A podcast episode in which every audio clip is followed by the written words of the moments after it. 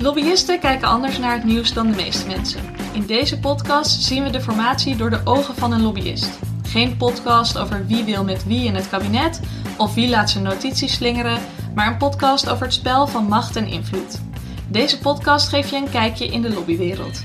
Hoe lobby de verkiezingen en de formatie beïnvloedt. Ik ben Mara van Waveren, zelf lobbyist en jullie Alice in Lobbyland. Vandaag hebben we het over de tabakslobby. Misschien wel de meest klassieke of bekende lobby. Als je mensen vraagt waar ze aan denken bij lobbyen, dan noemen ze naast mannen in dure pakken en achterkamertjes ook eigenlijk altijd tabak. De tabakslobby die op slinkse wijze regels tegen roken weet te voorkomen. Dit beeld wordt versterkt in een film die je wellicht wel eens hebt gezien, Thank You for Smoking. How many of you want to be lawyers when you grow up? Right. How about movie stars? Oh, How about lobbyists? What's that? it's kind of like being a movie star. It's what I do. I talk for a living. What do you talk about? I speak on behalf of cigarettes. My mom used to smoke. She says cigarettes kill. Really? Now, is your mommy a doctor? No, A scientific researcher of some kind? no. Well, she doesn't exactly sound like a credible expert now, does she? Don't feel bad. It's okay to listen to your mom. I mean, it's good to listen to your parents, Joey. All I'm suggesting is that there will always be people trying to tell you what to do and what to think. There probably already are people doing that. Am I right? Yes. I'm here to say that when someone tries to act like some sort of an expert, you can respond, Who says? So cigarettes are good for you? No. No, that's not. That's not what I'm getting at. My point is that you have to think for yourself. You have to challenge authority. If your parents told you that chocolate was dangerous, would you just take their word for it? No. Exactly. So perhaps instead of acting like sheep when it comes to cigarettes, you should find out for yourself. Okay then. Thank you, Mr. Naylor, for joining us. De tabaksindustrie investeert veel geld in de lobby, maar ze zijn zeker niet de enige. Er is een soort gevecht tussen verschillende belangen om de gezondheid van de mens. Aan de ene kant zien we organisaties die pleiten voor de vrije keuze van elke mens, vaak gepromoot door bedrijven met een eigen belang in het behoud van veel suiker, veel vet, veel alcohol of sigaretten. Daartegenover staan organisaties die gezonde keuzes willen stimuleren. We kijken vandaag of die industrie te temmen valt door, het gebruik, door gebruik te maken van dezelfde methode, namelijk lobby. Dat doen we met Nederlands bekendste anti-rooklobbyist en longarts Wanda de Kanter. Eh, welkom Wanda, heel fijn eh, dat je er bent. Eh, je hebt je doktersjas eh, opgehangen, zei je ooit in een interview, zodat je echt mensen kan redden. Heb je, denk je het idee, heb je het idee dat je nou meer invloed hebt als arts of als lobbyist? Ik, ehm, ik denk wel dat je als. Ja, ik voel me dus helemaal geen lobbyist. Ik denk een lobbyist is iemand die voor heel veel geld elk, elke zaak kan verkopen aan iemand. Ik, ehm, ik werk als longarts al, al 30 jaar en, en al 36 jaar zie ik patiënten die ziek zijn geworden door, aan de gevolgen van tabak. En dat ze als kinderen heel jong verslaafd zijn geraakt. En ik zie de eindstadium zeg maar, van die tabaksverslaving in mijn spreekkamer. En als ik zoveel jaren duizenden mensen heb gezegd: U heeft longkanker, u gaat dood, we gaan nog immunotherapie, we gaan nog dit doen. En tegelijkertijd zie je dat ze zichzelf de schuld geven. Dus je krijgt een enorm stigma van schuldgevoel. Terwijl zij willens en wetens door de tabaksindustrie als kind verslaafd zijn gemaakt. Je ziet tegelijkertijd hun kinderen alweer roken. En je ziet tegelijkertijd dat hun kleinkinderen op elke straat ook al nu alweer sigaretten verkopen, kopen. En voor een paar euro. Dus wat je ziet is dat mijn patiënten en ik zie hun kinderen en hun kleinkinderen en het gaat maar door en het komt uiteindelijk, de tabaksindustrie is maar op één ding uit, dat is kinderen zo jong mogelijk verslaafd te maken. En dat doen zij door die immense lobby, miljardenlobby. Dat doen zij door de kinderen, noemen zij replacement smokers, omdat twee van de drie rokers gaat, heel, gaat dood aan het roken, die moeten vervangen worden, dus ze noemen onze kinderen de vervangers. Nou, ben ik dan een lobbyist? Nee, ik ben gewoon een longarts die zijn hele leven leeft van, van de gevolgen van een tabaksverslaving. En ik ben een longarts die ook helpt om mensen te laten stoppen met roken. Daar heb ik ook allemaal boeken over geschreven, daar doen we training in. En ik ben een longarts die voert actie om te voorkomen dat onze kinderen onze toekomst gaan roken. Ja, ik denk niet dat dat. Ben ik, ik ben helemaal geen lobbyist. Ik ben op een gegeven moment per 1 januari heb ik gezegd: Nou, ik ga nu fulltime ehm, dit doen. Deze, mijn invloed uitoefenen in Den Haag, in Brussel, rechtszaken voeren. Want het moet afgelopen zijn. Want ik, ik, heb, ik zit zoveel werk ehm, zit ik in, in de spreekkamer met de patiënten. En tegelijkertijd probeer ik al die andere dingen ook te doen. Ik denk dat ik uiteindelijk effectiever kan zijn door me nog meer te richten op het voorkomen van ziekte. En tegelijkertijd mis ik natuurlijk ook heel sterk de patiëntencontact. Dus ik blijf nog steeds als longarts. En ik neem nu ook weer waar in mijn oude ziekenhuis, in het Rode Kruisziekenhuis. Hè, waardoor de coronacrisis heel veel over, ja, over werk is. En de reguliere zorg moet doorgaan. Dus ik ben nog steeds longarts. Andere mensen willen mij natuurlijk framen als activist, als lobbyist. En dat is allemaal prima. Maar ik ben gewoon een longarts die durft uit te zoomen. En ziet dat ik op de vierkante meter gewoon ontzettend veel minder kan bereiken. Heel veel van onze patiënten gaan dood. En de vijfjaarsoverleving is 15%, dus 85% van mijn patiënten gaat gewoon dood. En de mensen met chronische bronchitis, die gaan ook meestal dood. Alleen dat duurt wat langer. Dus ik denk, ja, ik, ik vind het eigenlijk gek dat niet elke dokter die, die werkt met dit soort gevolgschade um, dat niet doet. En als je dan hebt in jouw inleiding van die vrije keuze, het heeft niets met vrije keuze te maken. Mensen zijn heel ernstig afhankelijk. je hebt het grote handboek van psychiatrie, DSM-5. En daar staat nicotine als tabaksverslaving als een ernstige verslaving, als ernstige afhankelijkheid. Ja, het is een vrije markt. Maar het is niet een vrije keuze om te. Ja, misschien als je op je twaalfde, zoals ik, mijn eerste sigaret rook, dan ben je vrij om een sigaret te gaan roken. Ik kan je zeggen, doe het wel of doe het niet. Maar je bent natuurlijk niet vrij als je doorrookt. Je zou vrij zijn als je geen ontwenningsverschijnselen zou hebben als je zou stoppen. Dat is niet zo. Heel lang antwoord op jouw vraag, maar inmiddels ben ik natuurlijk op allerlei manieren benaderd door lobbykantoren van um, jij volgt precies de strategie van een lobbyist. Dus ja, dat heb ik niet in een boekje, ik ben er niet voor opgeleid, ik heb daar ook geen boekjes over gelezen, maar blijkbaar voldoe ik wel aan de criteria van een lobbyist. Alleen ik krijg er geen geld voor, hè? Nee, precies. Nee, nee, nee. Nee, dus eigenlijk zie je jezelf meer als een activistische longarts, denk ik zo. Als ik het zo nog samenvatten. Een pensionistische longarts. Een, een, ja, een actieve longarts die, ja. Die, ik wil eigenlijk de longartsen werkloos maken, overbodig maken. Ja, dat, dat, zou dat is een mooi doel. En um, nou ja, de verkiezingen zijn natuurlijk net geweest. Die formatie nou, duurde een beetje, een beetje lang voor die op, start, uh, op gang kwam. Maar nu uh, gebeurt er wat. Dus ik ben eigenlijk ook wel uh, benieuwd, als je nou invloed wil hebben echt op dat, dat proces en op beleid wat nu gevormd gaat worden in die formatie. kan je dat dan het beste doen volgens jou misschien als, nou laten we het activistische longarts noemen, of, of als politicus bijvoorbeeld in de Tweede Kamer? Nou, ik denk dat het heel prettig is dat ik geen baas boven me heb, niet iemand die de partij leidt, niet iemand die zegt wat ik moet doen. Natuurlijk toch relatief redelijk vrij ben wat ik nu kan doen. En ook omdat je niet betaald bent, je bent ook, hoeft ook geen verantwoordelijkheid af te leggen. Ik voel me echt daarin heel vrij om te doen. En tegelijkertijd is, is lobbywerk, is, is beïnvloed werk, is natuurlijk werk van hele lange adem, van jaren. Hè? Want we weten natuurlijk allemaal dat als je nu met iets begint, alles is al besloten. Hè? Nou ja, dat is nu nog niet helemaal duidelijk, nu er zo'n gekke regeerakkoord is er natuurlijk nog lang niet en de kabinetsformatie is nog lang niet. Maar in ieder geval, als je de politieke partijen hebben wel hun, hun, ja, hun wensen natuurlijk allemaal al vastgelegd. Dus als je daar nu mee zou beginnen, dan ben je rijkelijk laat. Tegelijkertijd moet je natuurlijk heel goed de agenda volgen van uh, wat er allemaal gebeurt. Ja, VWS onder andere. Want met een demissionair kabinet worden allerlei besluiten die al normaal genomen zouden worden, worden ineens demissionair als controversieel verklaard. Dus als je dat niet ziet, dan gaan ineens hele normale maatregelen die over tabak gaan en de verkooppunten gaan en over, die worden ineens als controversieel beschouwd. Terwijl dat, dat hadden we helemaal, dat stond gewoon al in de planning. En er is toch heel weinig controversieels aan als je zegt dat er geen reclame meer mag zijn voor kinderen. Dat is toch heel, dat is niet controversieel. Dus dan probeer je natuurlijk de Kamerleden ja, te beïnvloeden of door. Hè, we hebben ook iemand die eh, werkt voor ons als lobbyist en die betalen wij wel zelf.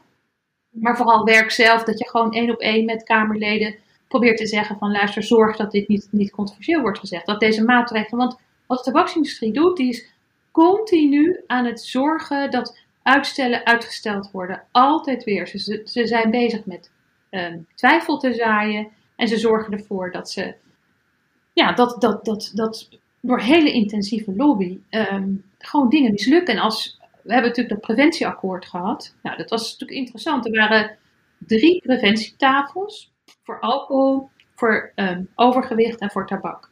Nou, we hadden ehm, een aantal jaren daarvoor een rechtszaak gevoerd met onze stichting Rookpreventie Jeugd tegen de overheid, omdat zij ehm, het allerbelangrijkste juridisch bindende akkoord niet honoreerde. En dat akkoord is van de Wereldgezondheidsorganisatie en dat, is, dat heet dan de Framework of Tobacco Control, Framework Convention of Tobacco Control en 5.3. En in 5.3 staat dat landen, dat zijn 180 landen, hebben dat vrijwillig getekend in 2005, de tabaksindustrie niet mogen ontvangen. En haar afgeleiden. Dus ook niet tabaksindustrie lobbyisten. Ook niet third parties zoals Albert Heijn, die natuurlijk heel veel geld verdient aan sigarettenverkoop. Als je het naar de letter leest, is dat het akkoord wat er staat. Nou, we hebben gezien dat aan die alcoholtafel zat de industrie aan tafel, aan de obesitastafel ook. Alleen wel met grote geluk, dachten we, dat we alleen met, de, ehm, ja, met gezondheidsorganisaties daar zaten. Ja, bij het preventieakkoord, het opstellen daarvan dus. Ja, bij het opstellen daarvan. Maar dat is dus al jaren voordat, voordat dat nu de kabinetsformatie. Dat is iets wat natuurlijk al liep. En toen hadden de allerbelangrijkste maatregelen zijn uh, accijnzen en verkooppunten, beschikbaarheid. Nou, toen werd ineens Jolande Sap, die werd toen voorzitter van die preventietafel. En zij is een hele belangrijke commissaris van KPMG. En KPMG is hofleverancier van Philip Morris. En wat zij doen, en dat, dat is heel ingewikkeld om dat uit te leggen, maar wat zij doen in 80 landen, zodra er maar ergens iets dreigt van een prijsophoging, dat stond in het preventieakkoord, dan gaan zij, zorgen zij dat er een rapport komt te liggen bij het ministerie van Financiën, bij het kabinet. Ongelooflijk gevaarlijk, want als je de prijs gaat ophogen, dan gaat het daar gesmokkeld worden. Wij weten dat het grootste deel van de gesmokkelde sigaretten die gevonden wordt, is van Philip Morris zelf. Daar hebben ze ook hele grote boetes voor gekregen. Dus we weten dat in landen waar goed gereguleerd is en een goed track-and-trace systeem is, dat er niet gesmokkeld wordt. We weten ook dat kinderen niet smokkelen. We weten dat het hele rapport, hebben natuurlijk opgevraagd en gewopt, helemaal zwart gelapt, krijg je dat terug. En dan komt dus, terwijl het allerbelangrijkste van het preventieakkoord accijns is, dan komt er een commissaris van KVMG als voorzitter van de tabakstafel. Nou, maar dat, ik heb al zoveel woorden nodig om het uit te leggen. Dus niemand begreep dat aan tafel, dus zij mocht blijven. En wij hebben er toen gezegd, hebben ze ons gezegd, we nu moeten stil zijn. Want dan, dan verloren onze financiering voor onze tabak. Nee, want ja, dit is te activistisch. Maar ik noem dat niet activistisch. Ik noem dat onthullen. En toen was ik een hele grote tabaks, anti-tabakscongres. Toen heb ik, ben ik opgestaan, er waren een paar honderd mensen. En zegt dan, hoe is in jullie mening, internationaal congres, hè, wat is jullie idee van de rol van KPMG? Nou, dat was echt no way dealing with KPMG. KPMG is Philip Morris. Want dat doen ze in al die landen. En voor, je, voor jullie, jullie zagen inderdaad een, eigenlijk een verband tussen dat KPMG altijd gekoppeld zit in die zin aan Philip Morris. Uh, en dat was ook de reden waarom, uh, ja, waarom jullie in actie kwamen rond dat preventieakkoord eigenlijk. Als ik het... Ja, ja. maar goed, het was, het, het was al te laat. Um, zij, zij is doorgegaan. En toen, wat er gebeurde was, bij het preventieakkoord dat er dus die twee belangrijkste uh, eisen, hè, de, de, prijs structureel omhoog, niet één keer, want dat helpt natuurlijk niet, en die verkooppunten. Nou, toen bleek op 5 voor 12 dat de prijs ging maar eenmalig omhoog en er moest eerst onderzoek worden gedaan, stond daarbij. En de verkooppunten werden er helemaal uitgehaald. En toen dacht ik, wat is er nu gebeurd? Was dat nou Jolande Sap? Wat is er gebeurd? En toen bleek later, was een groot stuk op Follow the Money, dat, um, dat is gefinancierd door KWF, Longfonds en Hartstichting dat, dat onderzoeksjournalistieke groep. En dat, dat, er, dat de VVD door het, door het CBL en VNO-NCW um, ehm, gek gelobbyd is. Um, om te zorgen dat die prijs er eenmalig in kwam en de verkooppunten eruit gingen. Nou, dus dat kan ik dus niet zeggen dat het Jolande Sap was. Je weet nooit wat wat is. Maar je weet dus wel dat die preventietafels zijn opgezet door VNO, NCW, CBL. En zij gaan dus op het laatste moment de echt effectieve maatregelen eruit halen. Dus waar, waar je dus nu op uitkomt, is je zegt van oké, we hebben dus een waanzinnig goed WHO FCTC 5.3 akkoord. Dat is juridisch bindend. En wat gebeurt er? De Tweede Kamer ontvangt gewoon die, um, die lobbyisten. Dus toen hebben wij dat gecheckt bij het FCTC, met alle hoge mensen in, internationaal. Ze nee, dit is, dit is voor de hele overheid bedoeld. Toen kwam het terug in de Tweede Kamer en toen werd het aan Arisha Karib gevraagd. En toen zei ze, ik weet het eigenlijk niet. En toen heeft ze het uitgezocht en heeft het presidium later gezegd, nee ja, we weten het eigenlijk niet. Het is misschien toch alleen voor de, voor de ambtenaren en niet voor de volksvertegenwoordigers. Maar dat is niet waar. Dus wij zijn natuurlijk nu weer bezig om, om te zorgen dat we dat uiteindelijk in een wet kunnen zetten. Ehm, dat er een wet komt, een Nederlandse wet in Nederlandse taal, waarin wordt omschreven waar en wie wel of niet contacten mag hebben. Want je kan je voorstellen, als de tabaksindustrie komt nooit uit zichzelf. Hè? Dus de mannen en de pakken en de dit en dat. Dat zijn altijd andere mensen. Dat zijn mensen van VNO-NCW, dat is iemand van Ahold, dat is iemand van... Dat zijn altijd andere mensen. Het is niet de Nee, want dat lijkt me ook best ingewikkeld voor zo'n Kamerlid. Die eh, denkt, ik, ik ga in gesprek met eh VNO-NCW bijvoorbeeld. Ehm, dus hoe, ja, hoe kan je nou als Kamerlid... eh, ja, eigenlijk, wat voor tips zou je inderdaad hebben voor Kamerleden... om te bepalen van met wie... eh, om goed te kunnen beoordelen met wie je nou eigenlijk aan tafel zit. Met welk belang je aan tafel zit. Om het zo maar te zeggen. Ja, nou, ik denk dat, kijk, er is ook in dat, er is ook een transparantieregister. Dus op zich moet je met iedereen met wie je spreekt, moet jij een verslag maken. Nou, dat gebeurt al helemaal niet. Maar je kan natuurlijk zeggen, oké, VNO-NCW is ook heel breed. Er is geen juridisch bindend akkoord voor overgewicht en alcohol. Zeg, wat is het onderwerp waar we het over gaan hebben? En dat, dat we gaan, en als zij zeggen, ja, dat is alleen weer de elektronische sigaret voor de duizendste keer, of de iKills voor de honderdduizendste keer. En, en dan zeggen ze, nou, sorry, maar daar mag ik het niet over hebben, zoals u ook weet. Hè? En, maar het is ook zo geweest dat Mark Rutte, die zat op een gegeven moment bij zo'n avondshow. En toen werd gezegd, ja, nee, die sigaretten, allemaal troep natuurlijk, zei hij. Maar ja, dan gaan al die mensen smokkelen. Nou, dat wil dus zeggen dat hij het KPMG-rapport heeft gelezen, wat zij hem sturen. En je mag het wel lezen, iedereen is vrij om te denken, te lezen wat je wil. Maar hij mag het niet gebruiken om zijn beleid op te baseren. En als, hij kent het rapport, hij weet het niet eh, dat al die cijfers zijn aangeleverd door Philip Morris, maar hij gebruikt het wel. En dus je, je moet heel goed, heel goed realiseren dat de tabaksindustrie altijd van third parties gebruik maakt. En dat zie je ook met hun marketing, influencers all over, films, Netflix. Overal zie je de marketing, maar je ziet geen afzender. Ze hebben geen afzender. Ze, ze gedragen zich eigenlijk als criminelen. En dat zijn ze eigenlijk ook, want zij, willen, zij zijn alleen maar. Kinderen mogen helemaal niet roken. Maar hun hele doelgroep, kijk naar Instagram, miljoenen afbeeldingen. En er was net ook weer een groot rapport wat zij allemaal. Hè, dat de oud-directeur van WHO, nu directeur van Philip Morris International, zo'n groot fonds is. Om zogenaamd voor een rookvrije generatie te gaan. Ja, het is natuurlijk helemaal paard van Troje. Hè, dan zorgen ze dat jonge kinderen heel snel verslaafd raken aan nicotine, waardoor de kans vele malen groter is dat ze gewone sigaretten gaan kopen. Maar ze positioneren het als een ideaal stopmiddel met heerlijke aardbeiensmaakjes en vanille. Dus het is altijd, er zit altijd een agenda onder. En dus het is, ja, je kan ze niet vertrouwen. En, en op het moment dat je als VVD'er zegt, ja, maar we hebben leven in een vrij land. Maar dit, dat gaat over vrije markt. Het gaat ten koste van, van, van gezondheid. En dan weten we nu dat ja, zware rokers leven 13 jaar korter. Ehm, en we weten van het rapport deze week van de Raad van Volksgezondheid en Samenleving dat die kloof tussen arm en rijk steeds groter wordt. Je ziet dat die gemiddelden zeggen, ja, we worden rijker, maar die rijkdom komt steeds meer bij de haves en veel minder bij de have-nots. We zien het in het onderwijs, noem maar op. En dan kom je dus bij die groep uit, die heel erg getarget wordt ook door de tabaksindustrie, met een wat lagere opleiding. Nou, de lage 6, dat, zijn, dat is 30% in Nederland. 6 miljoen mensen zijn dat. En die, zitten in, ja, die, die hebben vaak al armoede. 65.000 huishoudens zouden boven de armoedegrens uitkomen als er niet gerookt zou worden.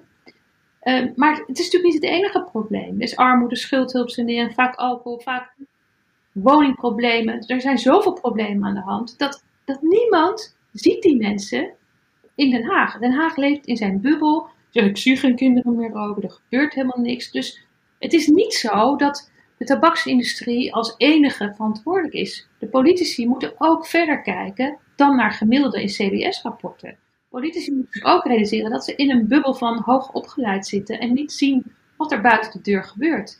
En daardoor krijg je het, ja, ik kon zo stoppen. Ik, mijn kinderen roken niet. Mijn kinderen zijn niet. En dan, dan heb je zo'n macht natuurlijk over, over iedereen. Als je maar blijft zeggen, we leven in een vrij land, wil je niet vrij zijn dan? Maar dit is niet vrij. En, en moeders die, die roken in de zwangerschap, die kindjes zijn al met mindere goede luchtwegen. Die komen met een vroeggeboorte, die hebben dan al achterstand, weet je. En dat jonge meisjes gaan roken en dan later zwanger zijn als ze roken. Dan, en dan zeggen, ja, het is allemaal je eigen schuld als je later longkanker krijgt. Dat is, het is zo verschrikkelijk unfair. En die oneerlijkheid, dat, dat is wel een hele sterke beweegreden voor mij om eh, dat soort dingen te doen. Ja, en stel nou, eh, nou ja, je zei net al even dat rapport van de Raad voor Volksgezondheid en Samenleving. eh, dat kwam natuurlijk naar buiten. En ja, ik kijk daar dan meteen naar vanuit een, eh, een, een, lobbyblik. Van, denk je nou ook dat het dan. nou ja, waarom komt dat nu? Komt dat rapport nu naar buiten? Wat, wat, wat zie jij daar, daarin? Ja, ik denk wel, dat zie ik natuurlijk ook als wij brieven schrijven naar eh, Tweede Kamerleden. En we zijn ook met een groep artsen bezig met eh, iets te doen voor Kamerleden. Dat we iedereen raakt totaal in verwarring van. Ja, maar heeft dat nu zin? Ja, we moeten wel weten wat het regeerakkoord. We moeten, wie, wie komen eigenlijk in het kabinet? Dat, dat kan me heel goed voorstellen dat zij heel goed getimed hebben. Vlak na de verkiezingen. Maar niemand wist natuurlijk toen wat voor een ellende er allemaal op ons stond te wachten. Maar ja, en ik, ik, ik, het mooie is, ik vind het echt een ijzersterk rapport. Het is, er staan een paar hele goede aanbevelingen aan het eind in. En ze hebben ook lef gehad om iets anders te doen. Hè? En zij zeggen ook dat, wat ik, het, wat ik het rare vind, in heel veel kranten is het gewoon gereduceerd door een, tot een suikertax. En dat is één zinnetje in dat hele rapport. En er staat ontzettend veel meer in. Er staat juist over die ongelijke kansen in. En het rapport heet ook eerlijke kansen voor iedereen. Je moet, je moet zorgen dat het niet uit moet maken waar je wieg heeft gestaan. Dat je toch min of meer dezelfde kansen op een gezond leven hebt. Dat is een kindrecht, het is een mensenrecht om het recht op gezondheid. En wat zij dus zeggen, uiteindelijk is niemand nu verantwoordelijk, want iedereen doet maar wat, staat er eigenlijk. We hebben natuurlijk bij die obesitastafel, nou, dat is geëxplodeerd. De tafel, het aantal leden en de mensen ook. Hè. De obesitas is alleen maar toegenomen. Je moet natuurlijk iemand verantwoordelijk maken, zoals het in het bedrijfsleven ook is. Een CEO van, van de lage zes, van die kloof. Die zegt van nou, er wordt een minister van Volksgezondheid, een minister van Preventie, die wordt verantwoordelijk voor, eh, zeg maar, die, die kloof die on, bij de geboorte min negen maanden begint, om te zorgen dat daar, dat die kloof kleiner wordt. En dat kan hij natuurlijk niet alleen doen, maar je gaat dat sturen op smart indicatoren. Hè, specifiek meetbaar. Je zegt wanneer je het gaat doen, hoe je het gaat doen. En je gaat het helemaal delegeren naar gemeentes en waarschijnlijk ook op consultatiebureaus, jeugd- jeugdgezondheidszorg. En weer terug naar boven. En wat werkt en wat werkt niet. Maar laat, maak iemand verantwoordelijk. Oké, mensen zijn nog dikker geworden. Ga jij maar weg, gaat iemand anders het proberen. Of deze maatregel werkt niet, misschien moeten we dat gaan doen. Is dat ook wat je, waarvan jij zegt, nou dat zou echt, als er één ding in het regeerakkoord moet komen over preventie, eh, want daar hebben we het eigenlijk over in brede, bredere zin, zeg maar. Hè? Als we het, eh, eh, is dat het? Dat er iemand verantwoordelijk moet worden? Dat er een minister van, eh, ja, Minister van ongelijkheid of een minister van gelijke kansen. Ja, je kan het, preventie is een beetje een sleetswoord. Hè? Je moet ook een beetje creatief denken van, ja, we moeten zorgen dat er iemand verantwoordelijk is, minister van gelijke kansen. Want dat begint bij die min 9 maanden. En dan kan je dat, dat kan je dat hele beloop van min 9 maanden tot 18 jaar, dan kan je zeggen, wie gaan het doen? Waar gaan ze het doen? Hoe gaan we het meten? En je kan het ook heel mooi met een thermometer meten bij, bijvoorbeeld als een kindje geboren is, de schijf van 10 kan je bedenken. Van nou, dat gaat, 10 is dat wel of niet verslavingen, ziektes in de familie, omgeving, woning. Hè? Dan kan je zo zeggen, nou, dit is waar we naar kijken. Dat zijn de risicomensen, die moeten we goed vervolgen. En die gaan we ook als jeugdgezondheidszorger vervolgen. Dit zijn, want nu wat er gebeurt, is dat alles pas ja, aandacht krijgt als er een crisis is. Hè? Of, het nou, of het nou wat het ook is. Hè? Ook in de GGZ zie je dat natuurlijk, dat het helemaal uit de hand loopt. Dus je kan zorgen dat er een soort thermometermethode is, dat je gaat sturen op uitkomsten. Je hebt een vroege en een korte en een lange termijn uh, visie. Want het, het, uh, de RVS zegt ook, het zou eigenlijk 15 jaar, he, een lange scope. Maar ik zeg daarbij, moet je ook een jaarlijkse scope. Je gaat niet zeggen, we hebben nu nog meer uh, organisaties aan elkaar gekoppeld, in plaats van dat je gaat kijken naar de BMI. Weet je, kijk naar wat, wat, wat kijk naar, je kan heel veel dingen meten. Hoeveel mensen in de schuldhulpsanering zitten, hoeveel kinderen naar welk onderwijs gaan. Je kan zoveel vastleggen, dat doet het CBS. We hebben zoveel instanties en ja, ik denk dat dat het meeste, dat dat het meeste kans van slagen heeft, omdat als je de minister van gelijke kansen hebt, dan ben je dus een goede voorouder, zeg maar. Hè? Je reageert over je eigen graf heen. En dan moet je bij elke beslissing denken, nou, wat zou dit nu betekenen voor mijn kind, mijn kleinkind? Wat? Wat betekent dit? En dan kom je ook op fijnstoffen, op fossiele brandstoffen. Weet je, wordt, het is niet zo ingewikkeld. Alleen de tegenmacht, de lobbycratie, de bedrijven die alleen maar uit zijn op winst, maximalisatie, ja, die werken alles tegen. Die zijn en dat, dat, dat, en dat is, ook, dat is hun belang, ze kunnen niet anders. Alleen de tabaksindustrie mag het niet, vanwege de extreme schadelijkheid. En dat kan best zijn dat het voor andere bedrijven ook gaat gelden, maar dit is het enige waarbij het echt niet mag. Nee, precies. En zou jij zeggen, het zou eigenlijk verstandig zijn als we zo'nzelfde soort eh, verbod op eh, eh, contact, zoals dat bij die lobby, of bij de tabakslobby geldt, dat dat ook moet gelden eigenlijk voor bijvoorbeeld inderdaad de, meer suiker of dat soort eh, Maar ja, bedrijven? ik denk dat het heel goed is dat je met mensen die er echt verstand van hebben, statistici, epidemiologen, hoogleraar sociologie, waar heel veel wetenschappelijke evidence voor is, dat die zeggen: dit moet je doen. En dan kan je dat daarna vertellen aan de Coca-Cola units van jongens, dit, dit is wat wij willen. Hoe gaan jullie het doen? Het is niet, het doel is natuurlijk niet dat je, dat je bedrijven kapot wil maken. Je wil niet, eh, want ze beginnen natuurlijk altijd over werkgelegenheid en noem maar, maar op. Maar je wil ge- eigenlijk willen die bedrijven, het zijn ook allemaal vaders en moeders en opa's en oma's, die willen natuurlijk ook een goede voorouder zijn. Ik bedoel, ik denk dat, dat je heel veel samen kan bereiken. De tabaksindustrie moet weg uiteindelijk. Dat is, een, dat is alleen maar dood en verderf. Weet je, dat, voegt niks toe aan het leven. Maar dat geldt voor die andere industrieën niet. Dus ik zou dat nooit op één lijn willen zetten. Want het is, ik bedoel, als ik elke dag één hamburger eet, dan ga ik waarschijnlijk niet, eerder, niet echt veel eerder dood. En ik sport en ik beweeg verder. Dus elke dag een pakje rook, ja, dan, dan ga je echt gewoon gemiddeld 13 jaar eerder dood. Dus, dus het, is, het is in de orde van grootte. Maar kijk, en obesitas is een hele ernstige volksziekte die al ontstaat in de baarmoeder vaak. De aandacht daarvoor door de stress en zo. Dus dan moet je dat uitleggen aan de industrie. Maar wat kan wel? Maar het is niet zo. Het is, ik, ik wil ze altijd apart houden. Ook de alcoholindustrie gaan tien keer minder mensen dood aan dan aan tabak. Eén biertje per dag of glas wijn. Het is allemaal anders, maar de tabaksindustrie moet weg. In deze periode ben je denk ik druk bezig ook met eh, dingen onder de aandacht brengen voor dat nieuwe kabinet misschien. Of eh, de, om te zorgen dat de Kamer in actie blijft en niet eh, stil blijft staan vooral, als ik het goed begreep. Ehm, waar zet je allemaal op in? En werk je dan samen met andere partijen of doen jullie dat zelf? Hoe ziet dat eruit? Ja, kijk, ik kan natuurlijk heel veel dingen niet zeggen. Want de lobbyisten zijn altijd, eh, ja, die zeggen natuurlijk niet alles. En natuurlijk werken we samen met heel veel partijen.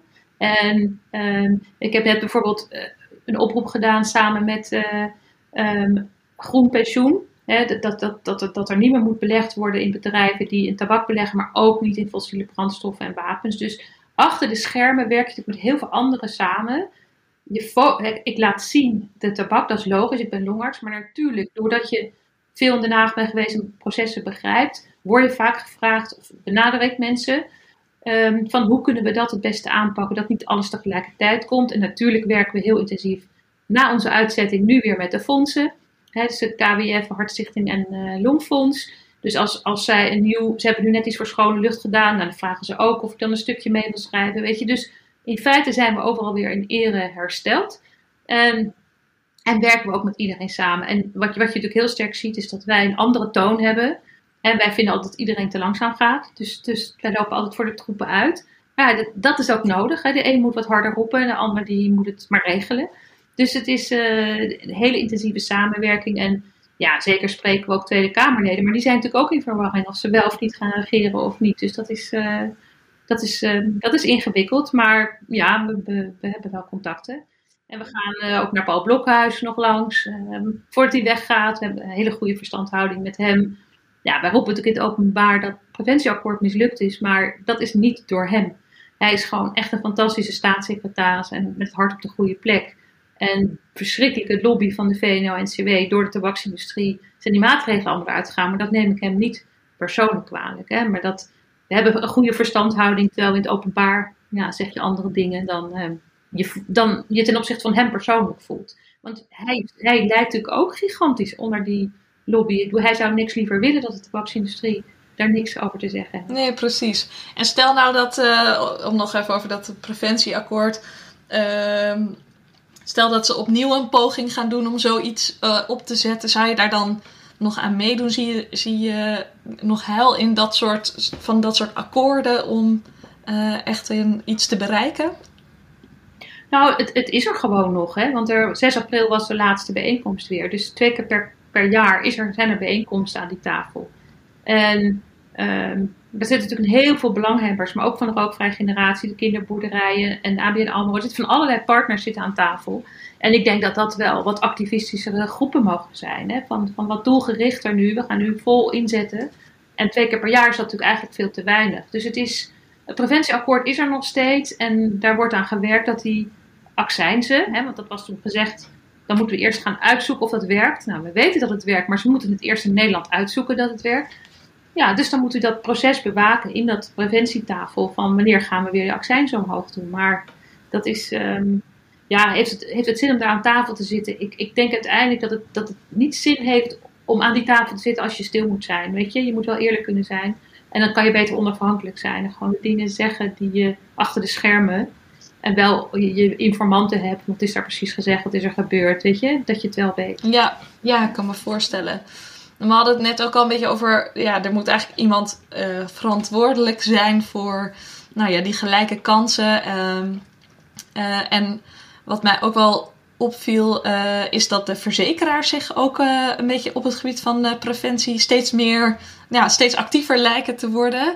En, ehm, ik eh, zag dat zij ook een pleidooi doen, eh, nou ja, voor dat eigenlijk niet geen enk nu, zij zeggen eigenlijk ook, er is geen enkele partij echt verantwoordelijk voor het behoud van de gezondheid van burgers. Ja. En dat dat vaak te vrijblijvend is.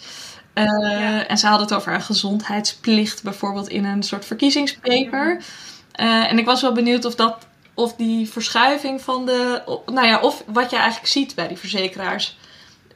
Maar wat ik vooral zie is dat er ehm, dat het hele verdienmodel van de zorg is gebaseerd op ziekte. En kijk, ik leef, ik heb mijn hele leven geleefd van ziekte. Als gevolg van de tabaksverslaving. En, maar het ziekenhuis leeft ook van ziekte. En de farmaceut ook. En de zusters ook. En iedereen, we leven allemaal van ziekte. En er is geen enkel belang, financieel belang, om gezond, mensen gezond te laten blijven. Want niemand zal jou bedanken als jij over tien jaar geen longkanker hebt gehad omdat jouw kind niet kon meer kon gaan roken. Dus het is ongelooflijk. Je krijgt geen applaus, je krijgt geen bloemetje, je krijgt helemaal niks. En je krijgt ook geen geld voor preventie. Als je kijkt, gaat bijna 100 miljard naar de zorg. En dan gaat misschien een paar miljoen naar preventie. Nou, toen is er iets nieuws gekomen van ja, de verzekeraars moesten misschien dan toch wat doen. Dat is ook in het preventieakkoord. Je moet zorgen dat mensen kunnen afvallen en dat mensen kunnen stoppen met roken. Dus daar kwamen de verzekeraars binnen. En toen hebben ze de GLIS, de gezonde leefstijl interventiespecialisten gedaan. Hebben ze hond, volgens mij hebben ze nu 200 miljoen meer voor obesitas vrijgemaakt en bewegen. En er zijn 3000 mensen op afgekomen. En we weten natuurlijk dat die gezondheid, dat afvallen, dat het gewoon in 95% van de gevallen gewoon niet lukt. En dat na een paar jaar iedereen dikker wordt zelfs. Dus wat je nu krijgt is in plaats van het behandelen van ziekte, ga je behandelen van een andere ziekte, namelijk overgewicht, rookverslaving. Maar dat zijn in feite wel ziekten. Want een gezonde roker bestaat niet echt en een gezonde dikke mens bestaat ook niet echt. Je voelt je nog gezond als je 30 bent, maar als je 40 bent en je bent zo dik, heb je knieklachten, rugklachten, noem maar op. Diabetes komt al snel en hoge bloeddruk komt al snel. Dus in feite zijn al die mensen, die, die miljoenen mensen die te dik zijn en die roken, die, die komen met zo'n glie of met een rookstopcoach, ja, die komen daar vaak helemaal niet mee uit. Maar het moet van de preventieakkoorden moeten de verzekeraars dat doen. Maar er is geen enkel belang, weer voor de verzekeraars, om het voorkomen. Dat die, bij die min 9 maanden wat te doen. Het blijft dweilen met de kranen open. Dus ik vind, die, ik vind het verschuiven van tertiaire preventie, dus het behandelen van ziekte tot de dood erop volgt of niet, naar secundaire preventie, dikke mensen en eh, alcoholverslaving en, en rokers te helpen. Ja, er wordt gewoon heel weinig gedaan aan dat begin. En natuurlijk moet je mensen met longkanker heel goed behandelen met de beste medicijnen. En natuurlijk moet je mensen laten afvallen, begeleiden. Allemaal heel belangrijk. Maar je moet vooral zorgen dat waar het begint, dat het daar niet misgaat. En dat je dus heel goed gaat kijken, dat heet dan de preventieparadox. Hè, dat je beter voor heel veel mensen op publiek niveau een maatregel kan nemen, waardoor de hele samenleving de curve iets naar rechts gaat. En dat is misschien voor elk individu niet zo heel erg relevant. Als, jij, als jij zegt van nou, door de prijs enorm op te hogen van sigaretten, dan gaat er geen kind meer roken. Daar heb je als roker, die, die heel veel geld heeft, misschien niks aan, want je koopt nog net zo makkelijk een pakje sigaretten. Dus moet jij moet anders, jij moet, jij moet ook geholpen worden. Maar we weten doordat je die ene maatregel neemt, dat je gigantische winst krijgt. En dat wordt heel erg, dat zie je nu ook met de coronavaccinatie de hele tijd, dat individueel en publiek ehm, gezondheid, dat, dat mensen halen dat de hele tijd door elkaar. Je gaat vaccineren om de hele samenleving te helpen om uit die lockdown te komen. En ja, dan gaan een paar mensen een bijwerking krijgen. Maar dat is niet zo relevant ten opzichte van dit. Waar veel meer bijwerkingen uit zullen volgen. En dat, dat op een of andere manier kan de minister dat niet communiceren. En die, dus de preventieparadox, super belangrijk. Kijk naar de riolering. Ja, er zal geen mens met diarree toen echt denken, nou fijn dat de riolering is aangelegd. Maar het is de allergrootste winst op de volksgezondheid geweest. En, en zo kan je naar alles kijken. Dus je moet iemand die op zo'n zo'n minister van gelijke kansen wordt, die moet heel goed kijken naar wat er voor, de, wat er voor public health, epidemiologisch gaat werken. En tegelijkertijd moet je natuurlijk een goede minister van Zorg hebben, natuurlijk. Het is niet dat ik dat niet wil. Je moet zorgen dat die enorme lawine die op ons afkomt, dat daar wat aan gedaan wordt. We begonnen eigenlijk met, eh, volgens mij zei ik in de introductie van, kan je nou door, door de gebruik te maken van dezelfde middelen, zoals dat, het lobbyen, zeg maar, die grote industrie een beetje temmen? Eh, ik, krijg een, een beeld van jou dat dat bijna, eh, nou ja, onmogelijk is, maar dat jullie dat wel heel hard proberen. Maar heb je, ja, wat is er eigenlijk nodig om die industrie inderdaad te temmen naast zo'n, hoe zorgen we dat zo'n minister er daadwerkelijk komt? Dat er genoeg steun is om zo'n minister te krijgen, zeg maar. En dat soort. eh, Het zijn twee verschillende vragen. Ik denk dat, dat je ten opzichte van de tabaksindustrie, dat, dat hebben we natuurlijk ook geleerd van internationale congressen, het, dat, het allerergste wat zij vinden zijn rechtszaken. Ehm, dus we hebben heel veel rechtszaken gevoerd. We hebben natuurlijk een strafzaak gevoerd in Nederland. Maar wat je daarmee bereikt, er hebben bijna een miljoen mensen aan meegedaan. Ook Antonie van Leeuwenhoek, een oncologenvereniging, echt Amsterdam, hele gemeente. Wat je, wat je wil bereiken is het criminaliseren van de industrie. Ze- we zijn niet vervolgd. En vervolgens, ze hebben gezegd, ja, maar je hebt die Sjoemel-sigaret, waarbij je veel meer teer in je longen krijgt dan op de pakje staat. Toen zijn we naar de bestuursrechter gegaan voor handhaving en die heeft ons verwezen naar het Hof van Justitie in Luxemburg.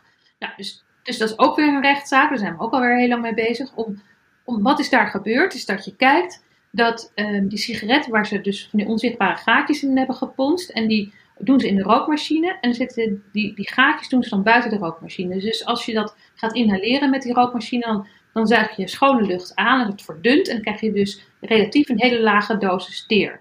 Maar als roker heb je je vingers over die gaatjes en krijg je dus drie tot vijf keer zoveel teer en nicotine en alles binnen. En dat mag niet, want er zijn regels in het, in de Tobacco Product Directive. Dit zijn de maximumwaarden en dat kan dus niet. Dus we hebben één, hebben die fraude van die, van die filterventilatie. En twee is, wie zit er in de commissie die die waardes controleert? Dat is de commissie, de NEN-commissie, NEN-ISO-commissie. Zitten alleen maar mensen van de tabaksindustrie in. En dat mag niet, FCC 5.3. Want ook de EU heeft die 5.3 getekend. Dus, door, dus ik denk dat het allerbelangrijkste wat we kunnen doen in een rechtszaak is het criminaliseren, het denormaliseren. En als we die 5.3, we horen half juli de uitslag hiervan. Als zij zeggen van dit kan niet waar zijn, dat die meetmethode frauduleus is en ook nog gecontroleerd wordt door de industrie zelf, wat 5.3 is. Er is een hele sterke lobby van tabakslobbyisten in Brussel. Dat is echt niet normaal hoe sterk dat is. En als je zegt je bent echt strafbaar, dit, kijk nou, die 5.3 mag niet. Je mag geen tabakslobbyisten ontvangen. Je mag niet je eigen vleeswaar controleren als slager. Dat, is, dat staat in de wet. Dan heb je natuurlijk, dan bereik je ontzettend veel. Dus ik denk wetgeving, rechtszaken, eh, denormaliseren, criminaliseren. En de tweede is de prijs, prijs, prijs. En dus, dus je moet zorgen dat die prijs structureel elk jaar, liefst twee keer per jaar, op onverwachte momenten omhoog gaat. Op het moment dat je het een verwacht moment doet, dan doet de tabaksindustrie er ook nog een paar cent bovenop. En wie is er dan winst? De aandeelhouder. Dus je moet zorgen dat dat. Daar zijn echt heel veel duidelijkheid over. En je moet die fabels van die smokkel moet je de wereld uit helpen. Dus dat traject denk ik dat het wel heel duidelijk is wat je moet doen. Dat is natuurlijk een hele lange adem. Dus daarom proberen we natuurlijk in Nederland te beginnen. Maar EU is natuurlijk ontzettend belangrijk daar tegelijkertijd bij. En dan, ja, hoe, hoe zorg je ervoor dat je een eh, minister van gelijke kansen krijgt? Een minister van preventie of een eindverantwoordelijke. Nou, we zitten in allerlei, ja, allerlei overlegjes. Ja, ik zat in het panel van dat, eh, de RVS. Dat, hè, dat, dat is heel bijzonder. Want Erik Dannenberg is de voorzitter en die, die heeft, eh, zijn vader vertelde, die was aan longkanker overleden, dus die heeft heel erg wat met het thema. Dus ik kon mee debatteren en discussiëren daarover. Van wie gaat het dan worden die verantwoordelijk is? Nou, ik werd gebeld door ehm, nou, een van de artsenvereniging van we willen jou graag nomineren voor minister van Volksgezondheid. Ik zei, maar ik wil niet van ziekte zijn, want dat is het ministerie. Ik wil minister van preventie zijn. Nou ja, dat is, die is er niet. En dat wil, dat wil het kabinet ook helemaal niet, dat er ministers bij gaan komen. Maar goed, dus alleen maar, en dan denk ik, nou ja, weet je, doe maar. Maar dat, voor de beeldvorming, het gaat erom dat je erover na gaat denken. Ik wil niet in die valkuil van, niet dat ik, niet dat ik in aanmerking zou, echt zou kunnen komen voor minister van Volksgezondheid. Dan moet je echt een rasbestuur, denk ik, ook zijn. Behalve arts. Maar gewoon wel als idee dat je zegt, nou, laat doe iemand voor zorg en ziekte en doe iemand van het voorkomen van zorg en ziekte. Dat is een mooi panel, want dan kan je elkaar helpen. Nou, dus je op allerlei manieren, ik heb een boekje geschreven, ik heb een beetje overal uitdragen van, het is toch heel gek. Ik heb eindeloos voor interviews gegeven, heel veel podcasts van, het is toch te gek voor woorden dat we allemaal leven door ziekte. En dat niemand, dat er geen cent is, dat er geen euro is als je ziekte wil voorkomen. En het is niet zozeer ziekte. Ik ben echt niet iemand die wil dat iedereen honderd wordt. Daar gaat het mij helemaal niet om. Maar ik vind die onrechtvaardigheid van mensen die zo'n kind dat geboren wordt, dat, dat de onrechtvaardigheid. En dat iedereen dan zegt: het is jouw keuze. En dat die mensen ook heel vaak niet goed voor zichzelf op kunnen komen. En dat is natuurlijk ook zo. Dat dat de, de, de lobbycratie wordt, is goed voor mensen die hoog opgeleid zijn en weldenkend en zichzelf kunnen beheersen. En ja, vaak zie je toch mensen die in die, in die pool van ellende zitten op de verkeerde partijen, voor hun verkeerde partijen stemmen. Ja, en heb je nou het idee dat nu, nou ja, we hebben natuurlijk de hele discussie uh, rond het, uh, het toeslagenschandaal. Eigenlijk zeg maar het thema van mensen die minder kansen hebben uh, dat speelt wel heel erg, denk ik nu. Uh, heb je daardoor ook het idee dat er meer kans is op nou ja, een doorbraak om daadwerkelijk iets te betekenen, om die kloof te verkleinen? Of dat nou altijd op gezondheid of misschien sociale, economische. Ja, sociaal. Ik bedoel het ook breder wat je ja. zegt. Hè? Maar, nou, ik denk dat je, dat je wel kansen hebt. Hè? Want, want uh, die, die Rutte-doctrine. Um, ja, kijk, de grote VVD-groep die vindt het allemaal onzin. Hij kan blijven en het hoeft allemaal niet anders.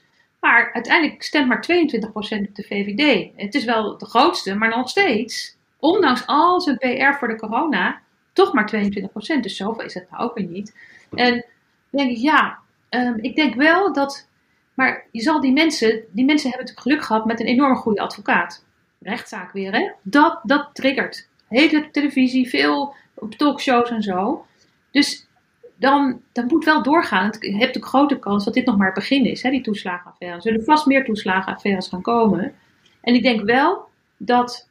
Kijk, die mensen zelf waren al jaren bezig en konden niks bereiken. Dus je hebt een volksvertegenwoordiger nodig met een advocaat. Je kan niet als mensen alleen, weet je, niemand, niemand boeit hen wat. Weet je, zij, zij, dat is juist zo oneerlijk. Dus ik, dus ik denk wel dat dan Pieter Omtzigt snel weer beter moet worden. En weer door moet gaan. Maar dat de advocaat ook, hè, dat hij er ook bij blijft. Want dat is denk ik heel erg belangrijk.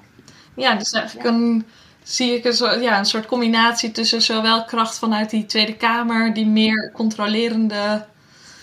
Uh, en dan rechtszaken of activistische, uh, ja, de activistische hoek uit de samenleving. Ja. En dat is natuurlijk ook zo. Er is gewoon helemaal. Kijk, al die mensen die al jaren bezig zijn. Er is ik, ik word ook vaak benaderd voor mensen in rechtszaken omdat ze door meeroken ziek zijn geworden. Zo.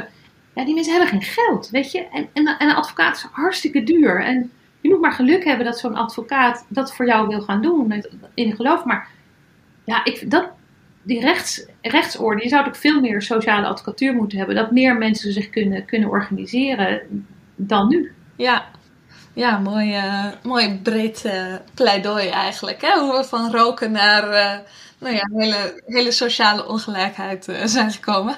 Ja. Het roken is een beetje de kanarie in de kolenmijn. Hè? Van als, als er veel, heel veel gerookt wordt, dan zijn er meestal wel andere issues aan de hand. Het is niet, het is, het is hè, wat je ziet, dus die gemiddelde, hè, dan zegt iedereen ja, is trots van nou, we roken nog maar 20% in Nederland. Maar dan kijk je naar mensen tussen 18 en 45, mannen, lage 6, 50% rookt.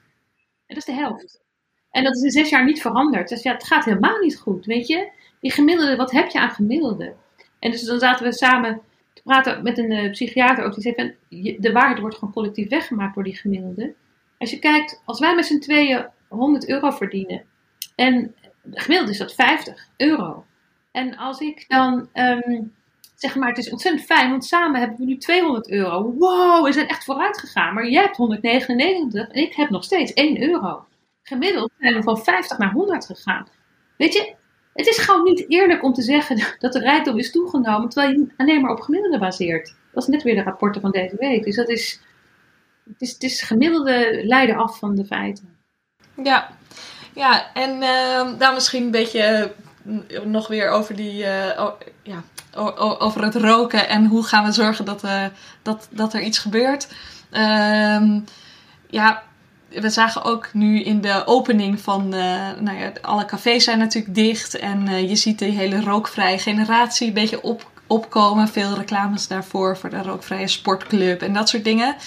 Uh, en ik las afgelopen week ook een oproep van een aantal artsen in Amsterdam. Die zeiden: Nou, als die terrassen dan open gaan, laat er alsjeblieft een rookverbod ook op de terrassen komen. Um, en ik was wel benieuwd wat je van dat soort initiatieven vindt. Van, van het uh, rookvrij maken van gebieden. Nou ja, daar heb ik natuurlijk ook achter de schermen hebben we het daar over gehad. We hebben zo'n heel clubje artsen met, waar we dingen mee overleggen.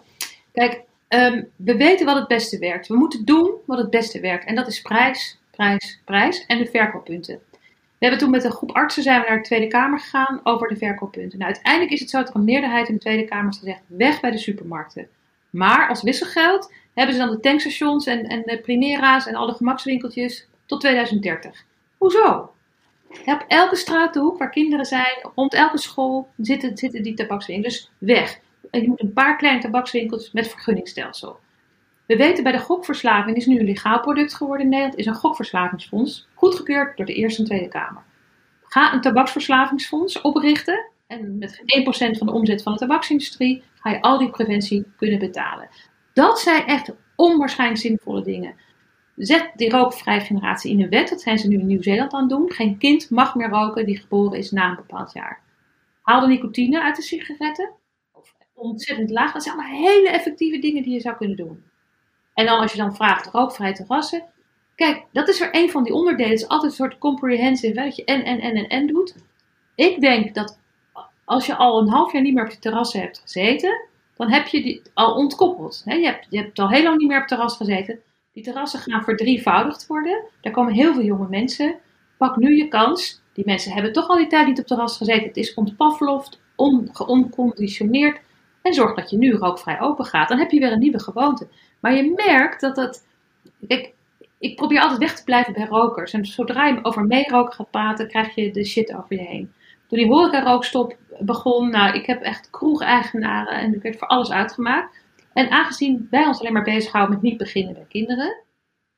Maar dit is zo um, een kans. We weten dat rokers meer kans hebben om dood te gaan aan COVID. We weten dat zien roken toe te roken. We weten dat die terrassen vol met mooie jonge rokende mensen zit dat jonge mensen daar naar kijken, dus iets met een pakje op tafel, dat het een enorm PR-effect heeft. En zeker als die terrassen heel groot worden.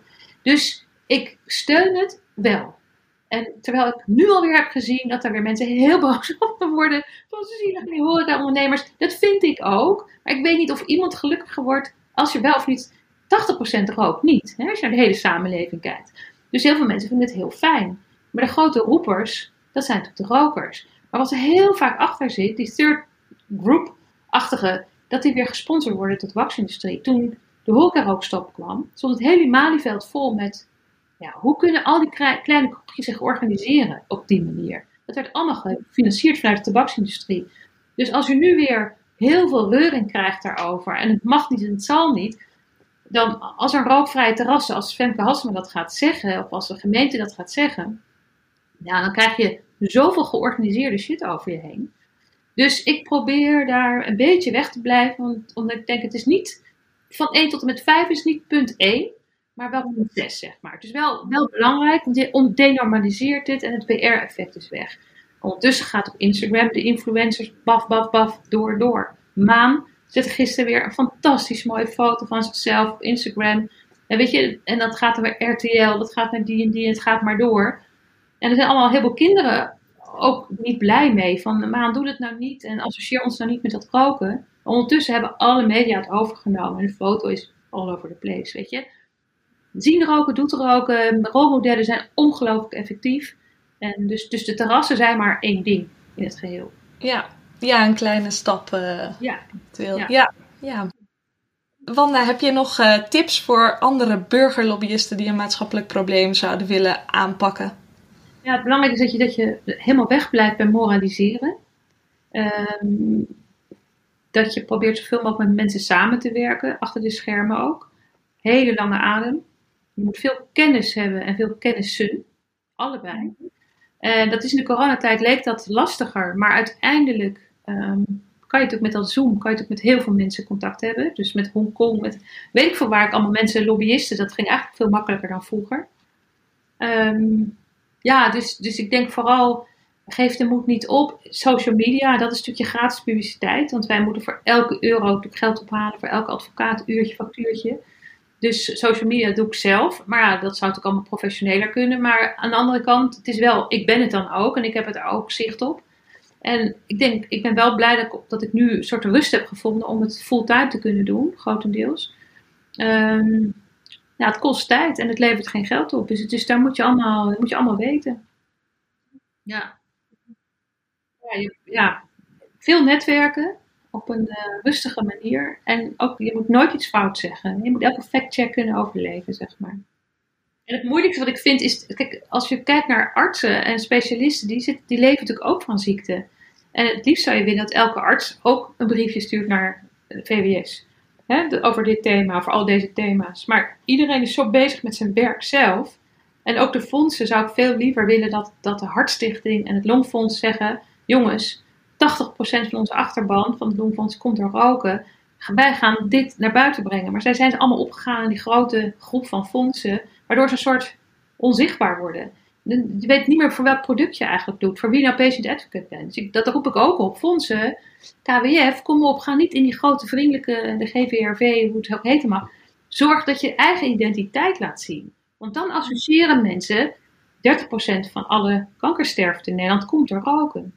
Dus hoe belangrijk is het dat jij gewoon laat zien dat, dat, dat jij als KWF dat belangrijk vindt? Dat kan je niet uitbesteden.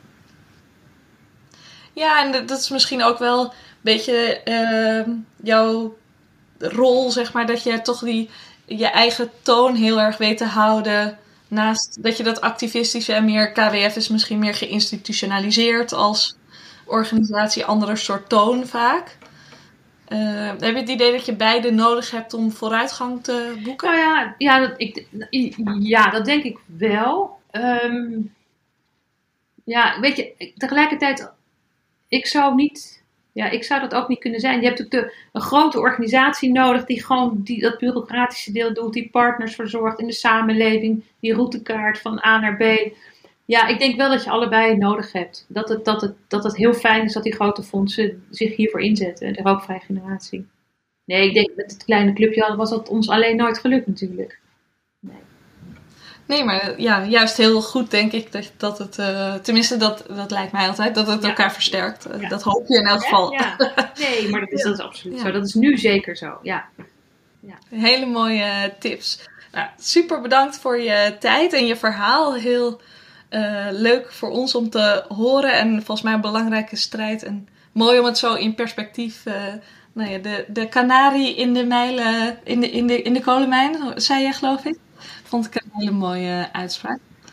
Heel erg bedankt en heel veel succes met je, met je lobby. Ja, dank jullie wel. Ja, fijne middag.